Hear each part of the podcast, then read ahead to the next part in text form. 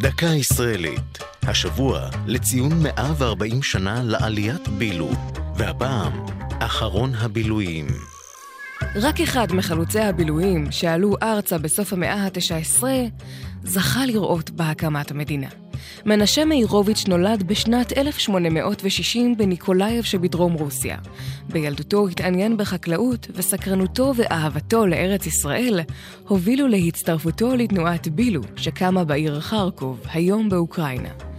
בגיל 22 יצא לקונסטנטינופול, היא איסטנבול, והיה פעיל במשרד המדיני של בילו, שהשתדל להשיג את הסכמת האימפריה העות'מאנית להתיישבות חקלאית בארץ.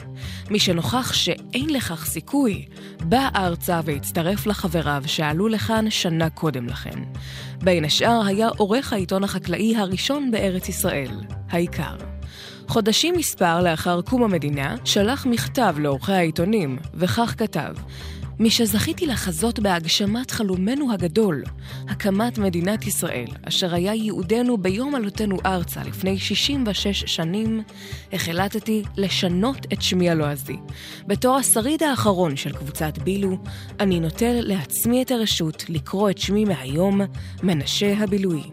מאירוביץ' נפטר בשנת 49, ועל שמו נוסד המושב תלמי מנשה בשפלה. זו הייתה דקה ישראלית על עליית בילו ואחרון הבילויים. כתבה עשאל פלד, ייעוץ הפרופסור מרגלית שילה, ייעוץ לשוני הדוקטור אבשלום קור.